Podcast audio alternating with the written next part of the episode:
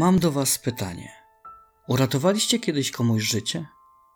Zastanawialiście się może, jak to jest czuć, że ktoś dzięki Wam nadal może cieszyć się, że żyje? Co ludzie o Was pomyślą? Jak zareagują sąsiedzi, gdy komuś pomożecie? Czy ludzie będą wdzięczni? Czy będą mieli o Was lepsze zdanie niż dotychczas? Ta historia pokazuje, że mimo dobrych chęci, mimo pomocy, ludzie i tak będą szukać powodów, by Was zniszczyć tylko dlatego, że nie do końca wierzą w przedstawioną historię, mimo dowodów i wdzięczności osoby uratowanej. A osoby mające nas chronić i poszukiwać prawdy dają się ponieść emocją tylko dlatego, bo innym wydaje się, że było inaczej. Zanim przejdę do omawiania odcinka, miałbym do Was prośbę. Chciałbym, by kanał się rozwijał, z tego powodu prosiłbym, abyście polubili ten materiał, jeśli oczywiście się Wam spodoba. Zapraszam również do subskrybowania kanału i dyskusji w komentarzach. Piszcie, jeśli chcielibyście usłyszeć o jakiejś konkretnej sprawie. Postaram się wyszukać wszystkie możliwe informacje na ten temat i stworzyć odcinek, na jaki czekacie. Piszcie również, czy chcielibyście usłyszeć więcej o porwaniach, seryjnych mordercach, a może sprawach bardziej nieoczywistych, nierozwiązanych. Może macie też jakieś uwagi względem odcinków, a może jakieś sugestie. Jeśli tak, to proszę o Wasze opinie w komentarzach. A teraz zapraszam do odsłuchania materiału. Historia zaczyna się 25 grudnia 1996 roku. Stanisław R. odwiedził swojego wieloletniego kolegę w wiadomym celu. Za kołnierz nie wylewali. O samym wieczorze w domu znajomego niewiele wiadomo. Nie było to wyjaśnione przez śledczych. Upojony alkoholem mężczyzna wracał do domu, jednak po przebyciu około kilometra prawdopodobnie się poślizgnął i upadł twarzą na ziemię. Jakiś czas później tą samą drogą szli dwaj młodzi mężczyźni. Tego wieczora również alkohol nie był im obcy. W pewnym momencie zobaczyli leżącego na ziemi człowieka. Podeszli i postanowili zaprowadzić go do najbliższego domostwa, gdzie została wezwana karetka. Po przewiezieniu do szpitala stwierdzono odmrożone ręce, jak i opuchniętą i podrapaną twarz. Po odzyskaniu przytomności mężczyzna nie pamiętał, co działo się poprzedniego wieczora. Za sprawcę okaleczenia swojej twarzy wskazuje ziemię, na którą upadł i swoje pijaństwo, które do tego doprowadziło. A dwóm młodym mężczyznom dziękuję za pomoc. Był przekonany, że nikt nie miał nic wspólnego z pobiciem i na pewno nic takiego nie miało miejsca. Szpital w takiej sytuacji był zmuszony zawiadomić policję, która to przez wzgląd na odmówienie zawiadomienia ze strony Stanisława R. powinna sprawę zamknąć, czego nie zrobiono. Czas na wykonanie tej procedury wynosi przecież miesiąc, a funkcjonariuszom się nie spieszyło. Wszystko zmienił dzień 6 stycznia 1997 roku, kiedy to miała miejsce uroczystość strażacka w Rososzu, gdzie w pełnym rynsztunku udał się komendant policji Zbigniew N. Miał przy sobie prywatną tetetkę i służbowego P-64. Oczywiście, zgodnie z prawem, nie mógł ich wziąć ze sobą, ale to komendanta nie interesowało. Typowy macho, który wszystkim musi pokazać, jaki z niego nie jest kozak. Impreza przebiegała w sielankowej atmosferze. Alkohol lał się strumieniami, humory były wyborne, do czasu, aż nie została wspomniana sprawa Stanisława R. Zgromadzeni byli całkowicie przekonani, że do pobicia doszło i winnymi są młodzi mężczyźni. Sugerowali również, że z tymi młodymi trzeba zrobić porządek. Zbigniew N. jako komendant w pewnym momencie uznał, że sprawę trzeba wyjaśnić, mimo iż nie toczy się w niej żadne postępowanie. A sam Stanisław nie miał zamiaru nic wyjaśniać, ponieważ uważał, że do żadnej napaści nie doszło. Komendant miał jednak inne zdanie na ten temat. Natychmiast wykonał telefon do komisariatu, gdzie pouczył swoich podwładnych, by sprowadzili Mariusza D. na przesłuchanie. Choć funkcjonariuszom wydawało się to oczywiście bezsensowne i niezgodne z procedurami, ufali przełożonemu na tyle, że wykonali rozkazy. W sumie nie mieli też innego wyboru. Rozkazy się po prostu wykonuje. Taki zawód. Podczas przesłuchania oczywiście dziewiętnastolatek nie potwierdzał tezy, jakoby on wraz z Robertem mieliby napaść na starszego mężczyznę. Tłumaczył już po raz kolejny, że zobaczyli go leżącego na ziemi, po czym ciągnęli do pobliskiego gospodarstwa, by tam zadzwonić po pomoc.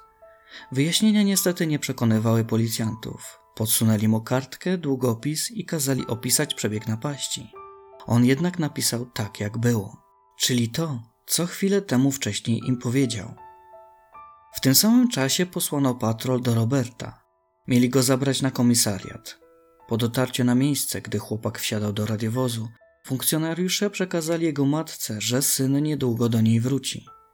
Kolejny raz zaznaczę, że nie trwało żadne postępowanie, a zachowanie funkcjonariuszy nie miało nic wspólnego z procedurami. Była to tylko i wyłącznie zachcianka komendanta. Wracając jeszcze do Mariusza D., który zeznał. Policjant uderzył mnie w brzuch, aż kucnąłem. Bili mnie pałką i kazali klęczeć. W takiej pozycji byłem do momentu, aż do komisariatu przewieźli Roberta i dopiero wówczas wypuścili mnie na korytarz. Z pokoju wyszedł nie mając na sobie butów, co jest dosyć zastanawiające. Z oczywistych względów funkcjonariusze zaprzeczają, jednak pytanie, dlaczego młody chłopak po wyjściu z pokoju nie miał na sobie butów, odpowiadają, że były brudne, a w ich pokojach leżały dywany. Około godziny 18 jeden z policjantów miał odwieźć komendanta do domu. Gdy już dotarł do Rossosza, wraz z komendantem do radiowozu wsiadł wójt. Początkowo jechali w stronę domu Zbigniewa N. Jednak komendant wpadł na pomysł, by jechać na komisariat. Gdy dotarli, Zbigniew N. natychmiast ruszył do swojego gabinetu, a Robert J. w tym czasie czekał w jednym z pokoi. Nic nie zwiastowało tego, co zaraz miało się wydarzyć. W jednej chwili pewnym krokiem przez komisariat szedł komendant Zbigniew N. Prosto do pokoju, gdzie siedział Robert. Drzwi otworzyły zdecydowanie. Słyszano dźwięk uderzenia i donośny głos. Tak masz powiedzieć policjantom! Nie minęło nawet pięć sekund i usłyszano strzał z pistoletu. Nikt nie spodziewał się takiego rozwoju wypadków. Jeden z policjantów ruszył w kierunku pokoju, otworzył drzwi i zobaczył leżącego we krwi Roberta. A komendant stał przerażony i jedyne co z siebie wydusił. Co ja zrobiłem? Po chwili zaczął kierować się do wyjścia, jednak podwładni stanęli mu na drodze. Zbigniew N. nie dawał za wygraną. Chciał wyjść za wszelką cenę. Doszło do szarpaniny, w wyniku czego go obezwładniono. Chwilę później wezwano pogotowie. Według zeznań komendanta działał w samoobronie. Młody chłopak miał się na niego rzucić i dusić. Miało o tym świadczyć zasinienie i otarcie na skórka na jego szyi. Tylko jeśli nawet doszło do tego typu sytuacji, to komendant nie miał prawa trzymać w dłoniach odbezpieczonej broni i raczej nie był w stanie wyjaśnić, jak w tak dynamicznej sytuacji zdołał wziąć broń do ręki odbezpieczyć, włożyć nabój do komory, wycelować i wystrzelić pocisk. Jednak załóżmy, że to wszystko, co powiedział komendant, to prawda. Chłopak był słabszy. Zbigniew N. należał do osób mocno rozbudowanych, a Robert wyglądał przy nim na małego chłopca. Komendant w razie problemów miał za sobą wielu policjantów, którzy mogliby pomóc w razie problemów. Nikt z obecnych nie był w stanie uwierzyć, że taka sytuacja mogła doprowadzić do tak drastycznych czynów.